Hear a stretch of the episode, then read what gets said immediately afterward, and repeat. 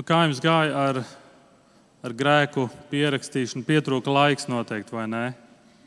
Varētu tik daudz rakstīt. Un, un tāpēc mēs šo sarakstu uzlikām. Tie bija daži no uh, minētajiem grēkiem Bībelē.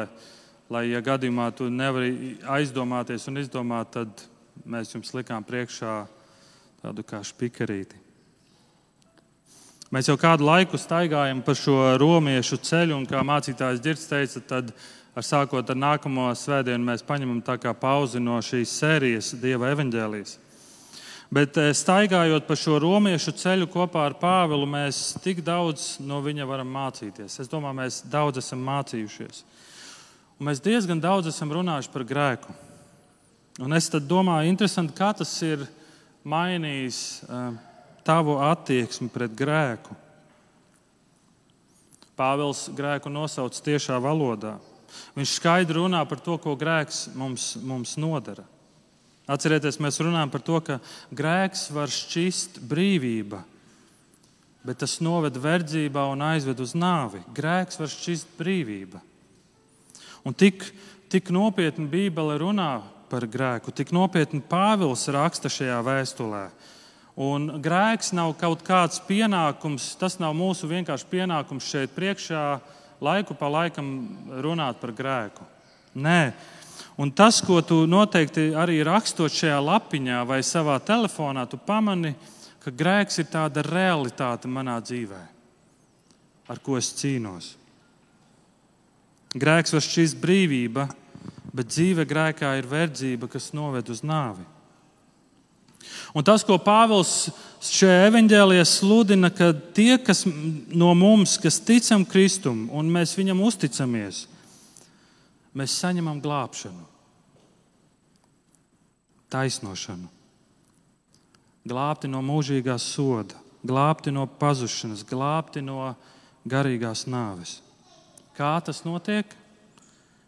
Un tas ir tas, ko mēs šeit sludinām caur Dieva dēlu Jēzu Kristu, caur viņa nāvi, caur viņa augšām celšanos, caur Jēzu Kristu, caur šo personu, mēs iegūstam glābšanu. Pāvils citā vēstulē raksta Efeziešiem 2,8. Jo žēlastībā jūs esat izglābti caur ticību, tas nenāk no jums, tā ir Dieva dāvana. Un tas, ko Pāvils sludina, ir Tā ir Dieva žēlastība. Glābšana ir Dieva žēlastība. Mēs esam glābti caur ticību, un tas nenāk no mums, tā ir Dieva dāvana.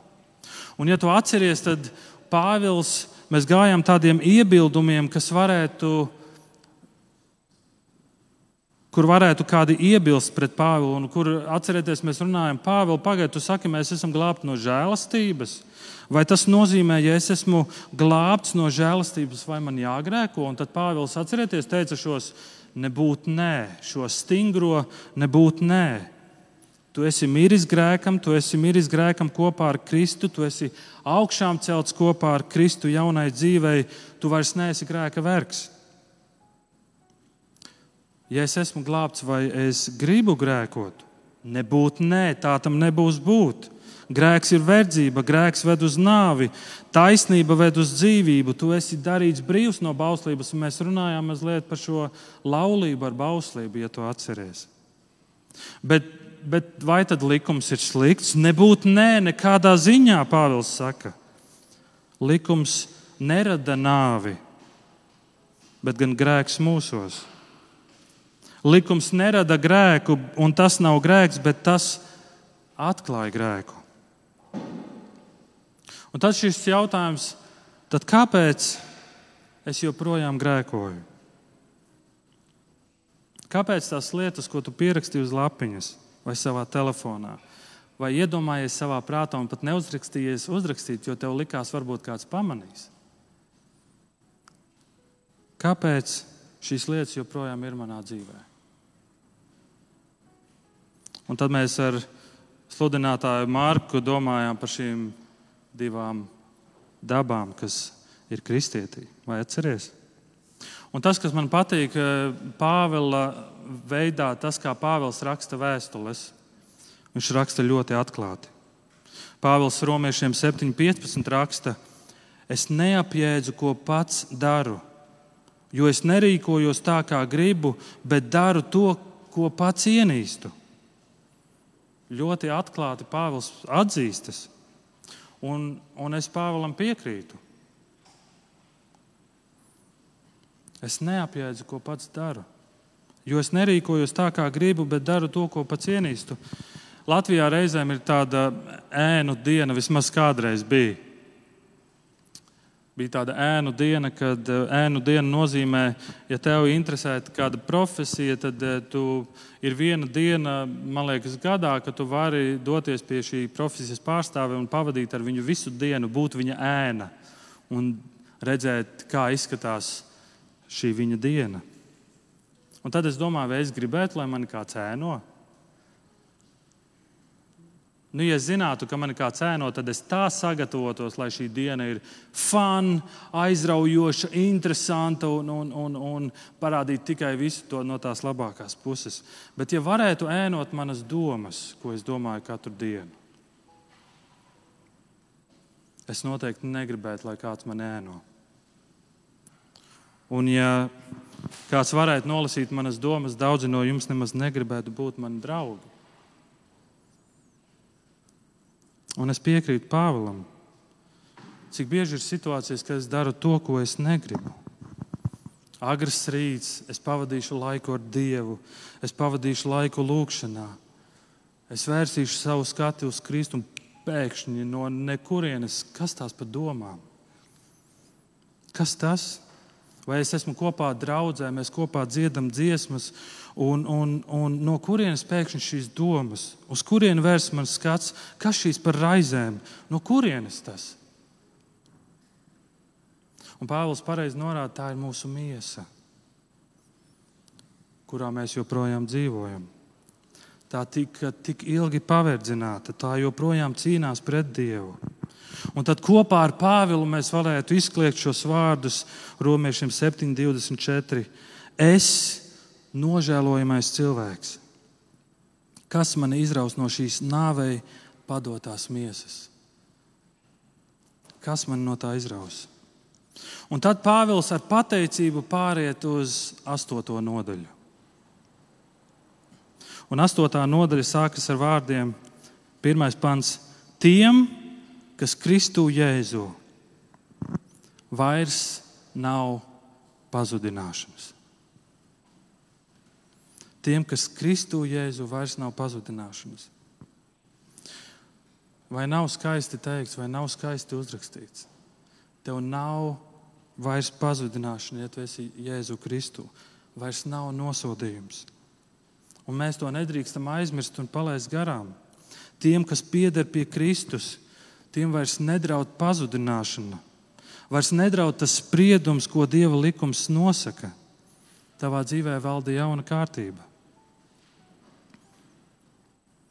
Tiem, kas Kristu Jēzu, vairs nav nekādas pazudināšanas. Un tam, un tam reizēm ir grūti noticēt.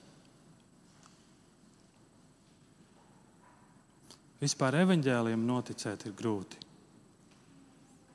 pašiem noticēt evaņģēliem ir neiespējami. Un, kad tu tiec glābts, tad joprojām tu uzdod šo jautājumu, vai tiešām es piederu viņam, vai tiešām es esmu glābts? Vai tiešām ir tā, ka nekas mani nespēs izvilkt, izraut no viņa rokas? Kāpēc ir grūti noticēt? Jo es pārāk ilgi esmu bijis grēka vergs. Un šī dzīve, šī domāšana man ilgi lika paļauties uz sevi. Es pats biju savas laimes kalējs, un tagad pēkšņi viss no viņa. Vai tiešām Dievs mani mīl? Vai tiešām Viņš dzird manas lūgšanas? Vai tiešām es esmu Viņam svarīgs? Vai man ir vērtība, kad pasaule uz mani nospļaujas un mīd ar kājām, vai Dievs mani redz, vai Viņš mani ievēro? Vai tiešām es esmu brīvs. Visu savu mūžu es esmu vergojis, vai cita dzīve ir iespējama. Un tas, ko jūs šeit, baznīcā, darat un izturaties viens pret otru laipni, tā vienkārši ir izlikšanās. Jo jums vienkārši tā ir jādara. Tu esi dzirdējis tādu apgalvojumu. Es esmu. Bet tas, ko Pāvils saka, tiem, kas Kristu Jēzu vairs nav pazudināšanas. Un tad varētu turpinājums, un tad man tā sajūta turpinājums varētu būt, bet tiem, kas Kristu Jēzu vairs nav pazudināšanas, bet.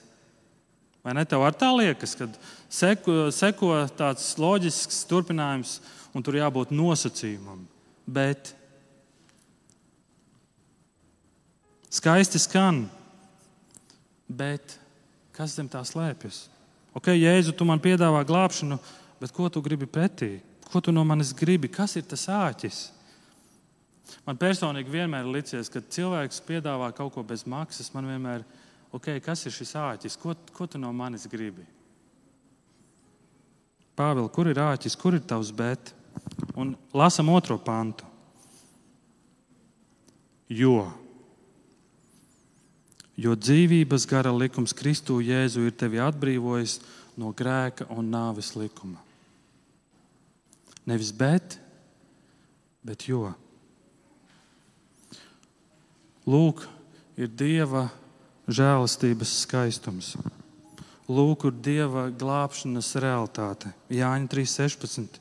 Jo Dievs tā pasauli mīlēja, ka deva savu vienpiedzimušo dēlu, lai ik viens, kas viņam tic, nepazustu, bet tam būtu mūžīgā dzīvība. Lūk, Dieva nosacījums nevis bet, bet gan jo. Tev ir jauna pieeja pie Dieva nevis bet, nevis tāpēc, ka, bet jo Kristus dēļ. Tici tam, uzticies tam. Un Pāvils saka, 2. pantā, jo dzīvības gara likums Kristu Jēzu ir tevi atbrīvojis no grēka un nāves likuma. Un tu lasot ar mani šo pantu, tu varētu jautāt Raimi, Raimons šeit prasās skaidrojums. Kas ir šis grēka un nāves likums? Un kas ir tas, ko Pāvils, ar ko Pāvils mūs šeit iepazīstina? Jo dzīvības gara likums Kristu Jēzu ir tevi atbrīvojis no grēka un nāves likuma. Pāvils mūs iepazīstina ar kaut ko tādu, ko mēs neredzējām 6. un 7. nodaļā. Un tā ir svētapšanas atslēga. Pāvils runā par jaunu likumu. Pāvils runā par jaunu likumu. Tas, kas, tas, kas man patīk Dieva evaņģēlijā, ir, ka Dievs mūs glābj, bet Viņš savu darbu pie mums nebeidz. Ko es ar to domāju? Dievs mūs glābj, bet Viņš mūs neatstāja un nesaka, nu tagad dzīvojiet un tiekat paši galā ar savu miesu, tiekat paši galā ar savām problēmām. Dievs vienmēr viss cauri iet mums līdzās. Viņš ir kopā ar, mani, ar mums un viņš mūs vada. Filipiešiem 1,6 mēs lasām, es paļaujos uz to, ka Dievs, kas pie, mu, pie jums iesāka labo darbu, to pabeigs līdz Jēzus Kristus dienai. Viņš to ir iesācis, viņš to turpina, viņš to pabeigs. Un šeit, 8. nodaļā, Pāvils parāda, kas ir svētāpšanas atslēga.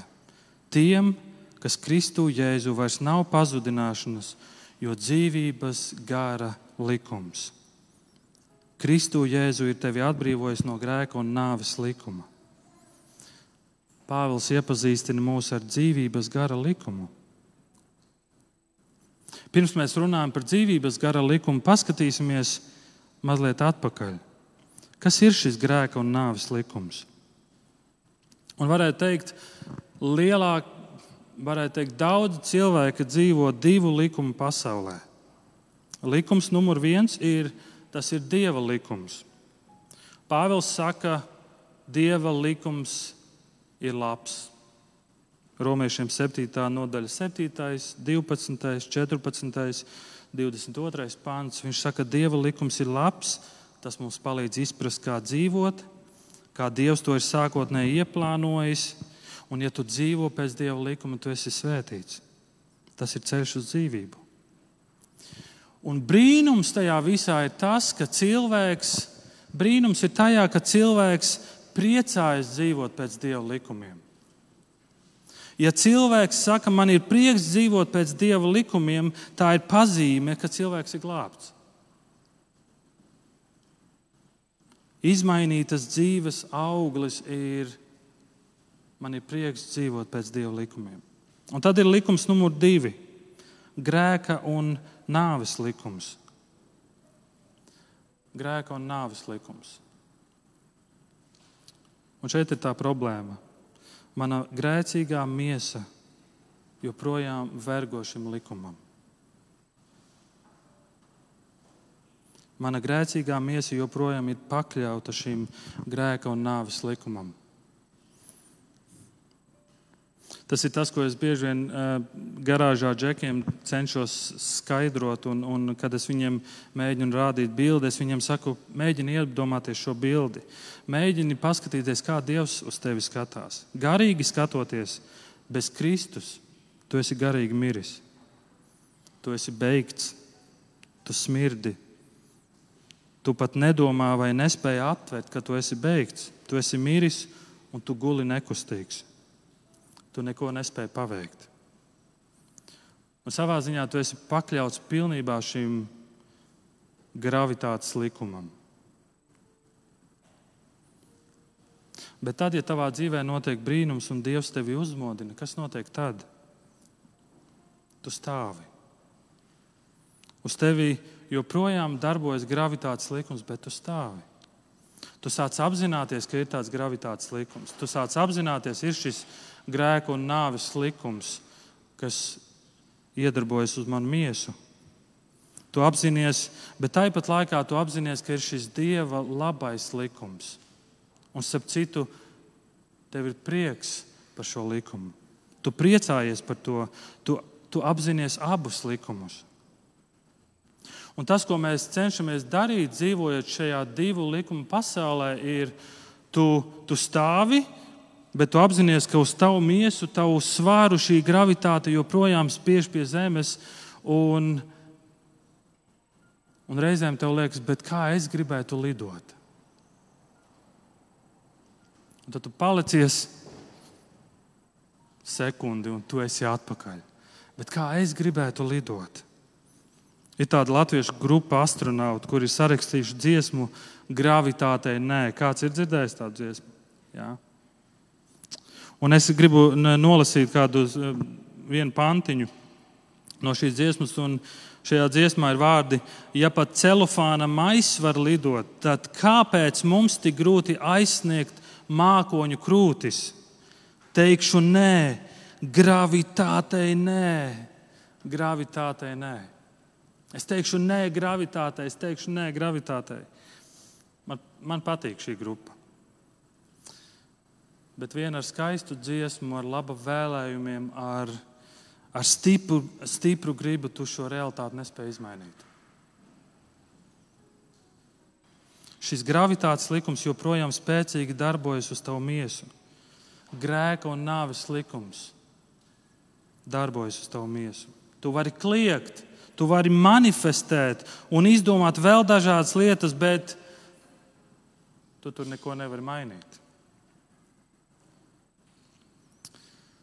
Bet cik tas būtu forši, ja es pēkšņi varētu šeit pacelties virs jums un tā pa vidu līdz lustram tā lidināties, un gravitāte nebūtu ietekme uz mani. Ziniet, kas būtu nākamā svētdiena, šeit būtu pilna baznīca, un mums būtu viens, vairāk kā viens miljons skatījumu Facebook.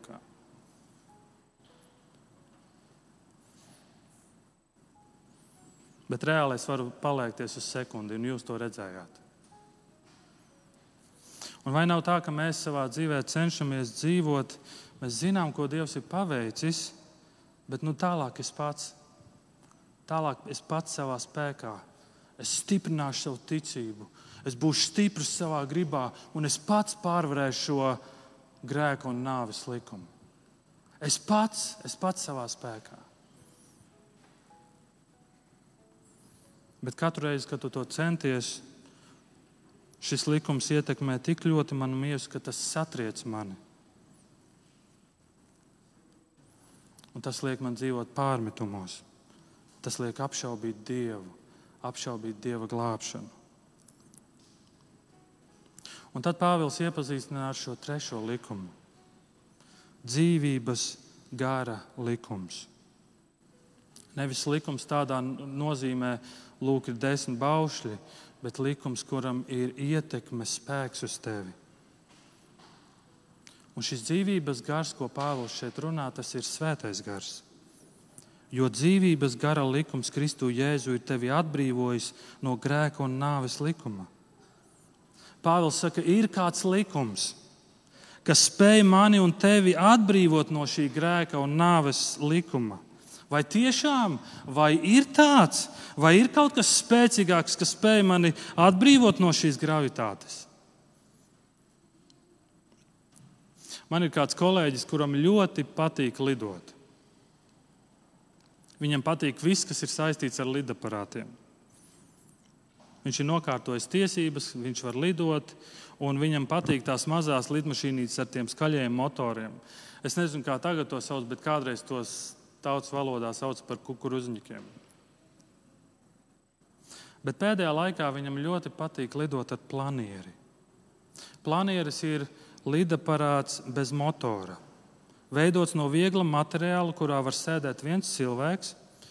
Un interesanti tas, ko viņš stāsta, šo planieri ievelk lidmašīna, un tad viņš gaisā paceļās, un tad viņš atkabinās un lido. Un tu jautāsi, Kā tas var būt? Tu lido gaisā bez motora. Kā tas var būt? Tas var būt tāpēc, ka uz šo lidaparātu iedarbojas kāds cits likums. To sauc par aerodinamikas likumu. Un savā ziņā tu planierī nepārtraukti strādā, bet tas nav darbs, kas tevi tur gaisā bet tas ir tas, ka tu mēģini palikt tajā gaismu plūsmā, un viņš tevi nes. Un tu stundām ilgi vari palikt un lidot. Man šķiet, Pāvils kaut ko līdzīgu šeit saka. Ir iespējams būt brīvam no šī nāves un grēka likuma. Ja tu pakļauj sevi šim trešajam likumam,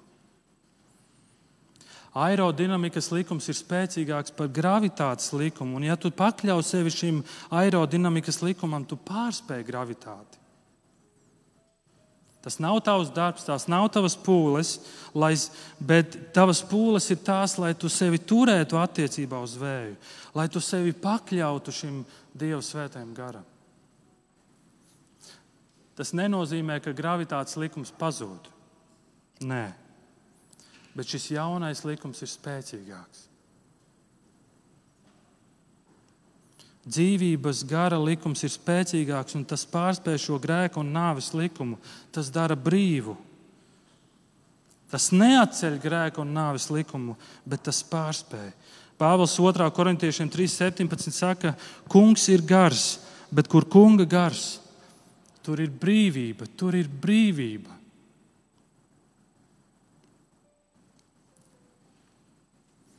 Bet kā šis gara likums darbojas? Un mēs redzam šeit, 8. nodaļā, tas vieno mūs ar Kristu. Tā ir pirmā lieta, ko mēs redzam. Tiem, kas Kristu Jēzu vairs nav pazudināšanas, kas Kristu Jēzu. Šis gara likums vieno mūs ar Kristu. Mēs varētu teikt, ka pasaulē ir tikai divas cilvēku grupas. Ir tie, kuri nav nosodīti, kas atrodas Kristū, un ir pārējie, kuri, kurus nosoda tāpēc, ka viņi nav Kristū. Nav tāda pelēkā zona. Un kas mūs ieliek Kristū? Tas ir svētais gars. Tagad mums ir personiskas attiecības ar Kristu. Viss, kas ir patiesa par Kristu, tagad attiecas arī uz mums. Kā darbojas šis, šīs dzīvības gara likums? Tas nelieto nosodījumu, lai tevi motivētu. Šis gara likums, svētais gars, nelieto nosodījumu, lai tevi motivētu. Tiem, kas Kristu Jēzu vairs nav pazudināšanas. Jā, svētais gars lieto šo vainas apziņu, lai vēstu mūsu grēku nožēlu. Taču Kristu Jēzu viņš mūs atbrīvo no nosodījuma.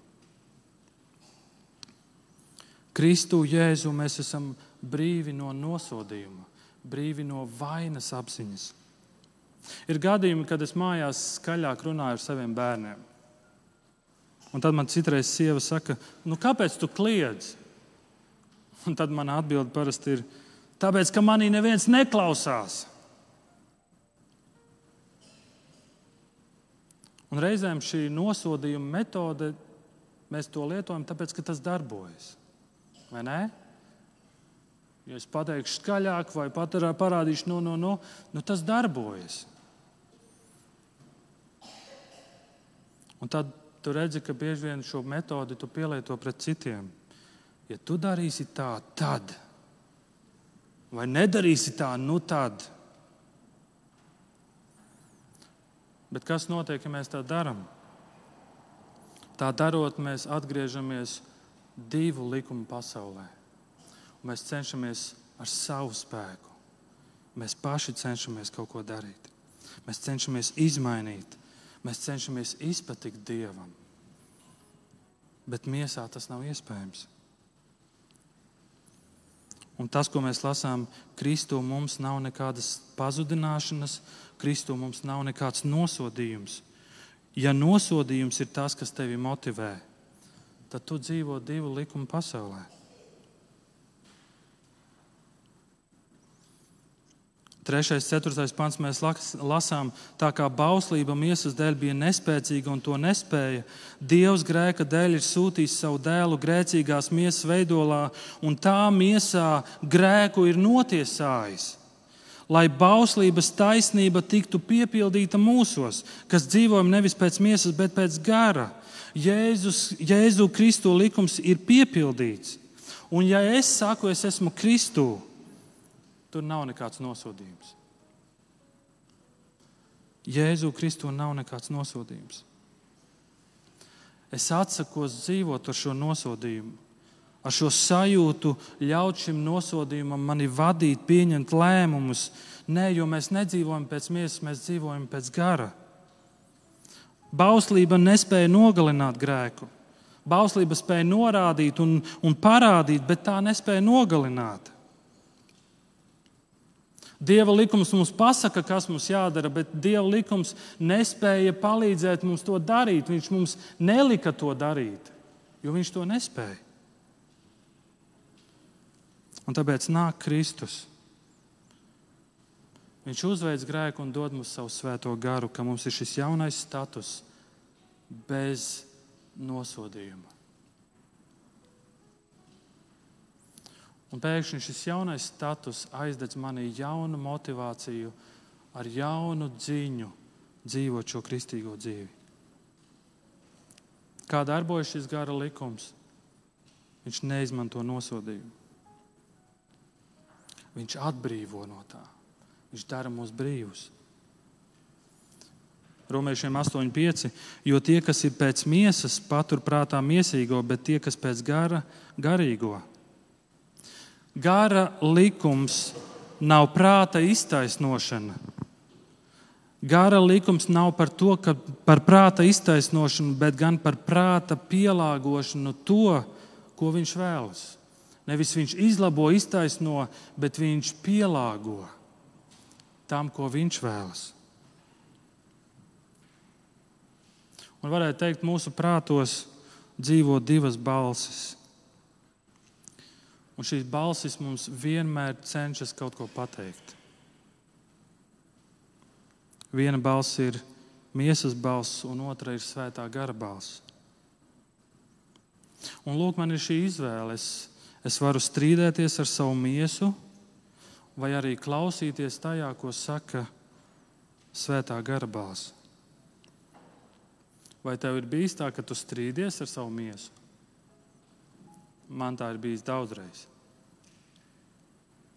Taču viena lieta es pamanu, un tad, kad es strīdos ar savu miesu, es pamanu, ka šis strīds nekad nebeigsies. Tas turpināsies atkal un atkal. Jo es nekad nepārliecināšu savu grēcīgo dabu nebūt grēcīgai. Es nekad nepārliecināšu savu grēcīgo dabu, ne, nebūt grēcīgai. Un reizēm es cīnos ar šo miesas balsi un, un, un lieku viņai mainīties, mainies, mainies. Un šis, šī cīņa nebeidzas nekad. Kas ir mana vienīgā cerība? Vērst savu prātu, savas domas uz garu. vērst savu prātu, savas domas uz garu. Ja jūs zinātu, cik daudz es esmu cīnījies ar savu miesas balsi. Atceros, bija kāda situācija, kad iespējams es to jau esmu dalījies, bet bija kāda situācija, kad uh, manī parādījās skaudība uz kādu brāli. Un tad, ko tu pamani, tev ir šī skaudība, un tu pamani šī skaudība sāk tevi no iekšas ēst. Tā kā sāēst, tā sāk graust. Un tas, ko tu pamanies par šo brāli, vairs nespēja priecāties, nespēja priecāties par viņa veiksmēm. Un beigās tu pamani, tu pat veidojas tāda briesmīga sajūta, tu pat negribi satikt šo brāli. Es pastāstu to savai sieviņai, un tas, ko viņa man saka, viņa saka, tev vienkārši jāiziet un jāizrunājas ar viņu. Pasaki viņam to. Un tad sākas šī cīņa ar manu miesas balsi. Ko tu te ņemies? Tas nav nekas, tev nav nekas jāsaka. Tā ir tava problēma. Esi vecis, tiec ar to galā. Ko tu te tagad iesi un teiksi? Paies laiks, ir jāpaiet laikam, un tas viss norimsies un aizmirsīsies. Un es redzu, ka nerims tas un, neaizm... un, un nerims tas. Un, un, Un tad es pavērsu savu skatu uz Dievu. Es jautāju, ko tu saki par šo? Ko man darīt? Svētais gars palīdz man. Un tad notika kaut kas skaists. Man prātā skanēja vārdi no Jēkabas vēstules, Jēkaba 5.16. Tad nu izsūdziet cits citam savus grēkus un lūdziet cits par citu, ka jūs topat dziedināti. Taisna lūdzēja lūkšana spēja panākt daudz. Tā bija vesela cīņa, tā bija liela cīņa, un tad, protams, sekoja grūtais brīdis iet un runāt. Bet kāda tā bija brīvība? Bet kāda tā bija brīvība? Kāds piedzīvojums? Svētais gars, ko tu vēlies? Svētais gars, ko tu domā par šo? Ko tu par to saki? Ko tu saki par šīm attiecībām? Ko tu saki par šo sarunu? Kas ir tie vārdi, kas man būtu jāsaka? Pagriez galvu, pagriez savu skatu. Tev nav savā spēkā jāpieveic miesa un jāizmaina tā, jo tu to nespēji. Tu nespēji pārvarēt šo gravitācijas likumu. Tu to nespēji. Un tur ir tā lieta, mēs nenovērtējam to ietekmi, ko spēj panākt viena skata pagrieziens. Kad es nomainu savu skatu un saku, Dievs, ko tu saki par to, palīdz man. Un, ja tu dzirdi atbildi, un ja tu dzirdi mudinājumu, paklausi. Tu nespēsi pacelties.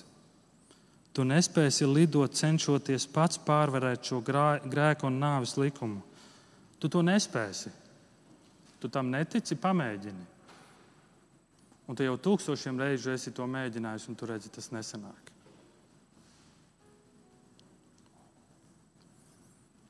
Gara likums, svētais gars ir tas, kas mūs vieno ar Kristu. Viņš ieliek mūsu Kristu, un mēs esam brīvi no šī nosodījuma. Svētais gars ir tas,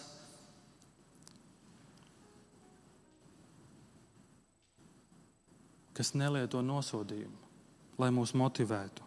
Viņš nelieto nosodījumu.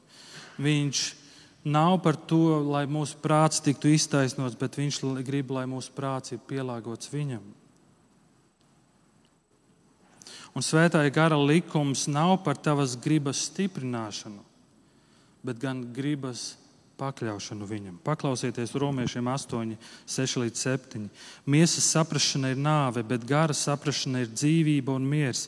Jo miesas prāts ir naidā ar Dievu, tas nepakļaujas Dieva bauslībai. Nedz arī to spēj. Tas nepakļaujas Dieva bauslībai, nedz arī to spēj. Ja mēs savu prātu nododam miesai, tā ir nāve, Pāvils saka, bet savukārt, ja mēs to nododam garam, tā ir dzīvība un miers. Un mūsu miesīgais prāts ir naidā, tas ir karā ar Dievu.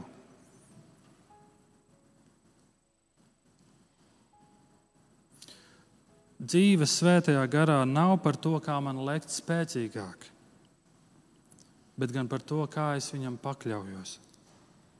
Kā es pakļaujos viņa vadībai kā es pakļaujos šim aerodinamikas likumam un spēju lidot augstāk kā jebkad. Tu vari kliegt gravitātei, nē. Bet, ja tu nepakļauj savu gribu tam, ko vēlas viņš, tas, ko viņš saka, tad tu cieti neveiksmi. Tu cieti neveiksmi. Un tie grēki, ko tu pierakstīji sākumā, pēc pieciem, pēc desmit gadiem tu redzi, tu joprojām ar to pašu cīnies. Tāpēc, ka tu dzīvo divu likumu pasaulē. Un tu nepakļaujies šim trešajam likumam, šim dzīvības gara likumam, šim svētajam garam.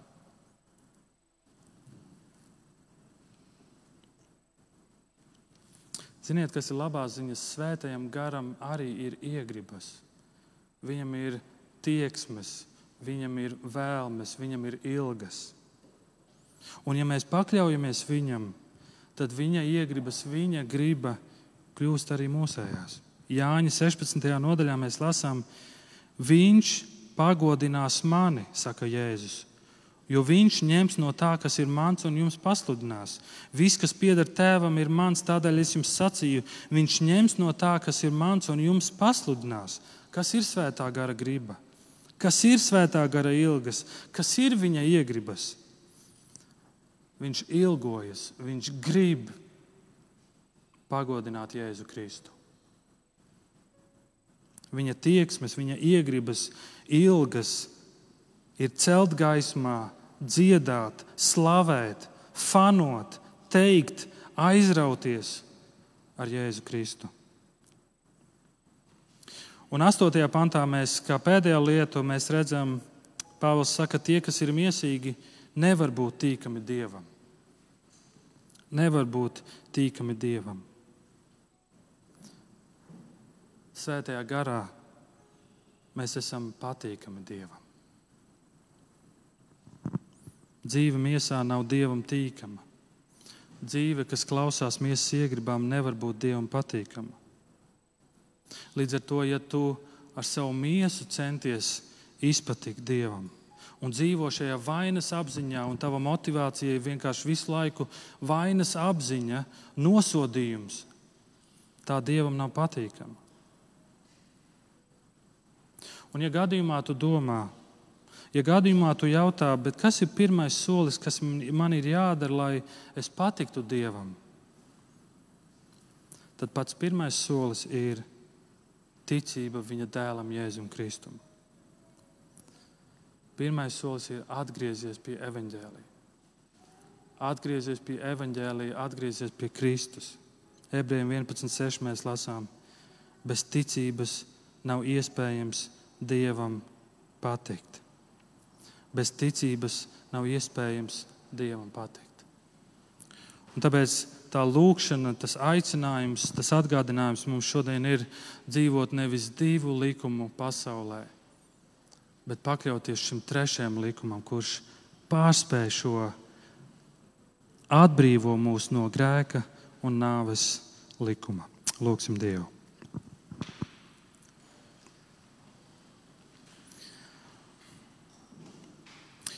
Mīļais Tēvs, paldies par Tavu vārdu šodien, paldies par tiem atgādinājumiem, ko Tu mums šodien saki. Un ne tikai par atgādinājumiem, Tu redzi mūsu cīņas, tu redzi mūsu dzīves, tu redzi mūsu paļāvību uz tevi, Tēvs. Mēs pateicamies par visu, ko tu esi darījis, Mēs pateicamies par glābšanu. Un mēs pateicamies, ka tu dari, esi darījis mūs brīvus no nosodījuma. Un to tu dari caur savu svēto garu. Un tāpēc mēs lūdzam, kā Dāvids lūdz, atjauno mūsos savu garu. Palīdz mums staigāt tavā svētajā garā. Palīdz mums klausīties. Palīdz, ka mēs spētu pacelties spārnos, pakļauties šim dzīvības gara likumam, pakļauties tev un lidot. Jā, māci mums to lūdzu. Un, un paldies, ka tad, kad mēs krītam, tu piedod. Mēs krītam septiņas reizes, bet mēs septiņas reizes ceļamies. Tāpēc, ka tu, tu mums palīdzi, tu mums nāc palīdzīgā. Un paldies, ka svētāpšana nav kaut kas, kas ir mūsu rokās. Tas ir tavs darbs. Tavs darbs, kas turpinās mūsos. Paldies Tev par to svētī mūs kā draugi un palīdz mums uh, ne tikai saprast, bet paklausīt un tā dzīvot. Es tavā vārdā to lūdzu. Āmen!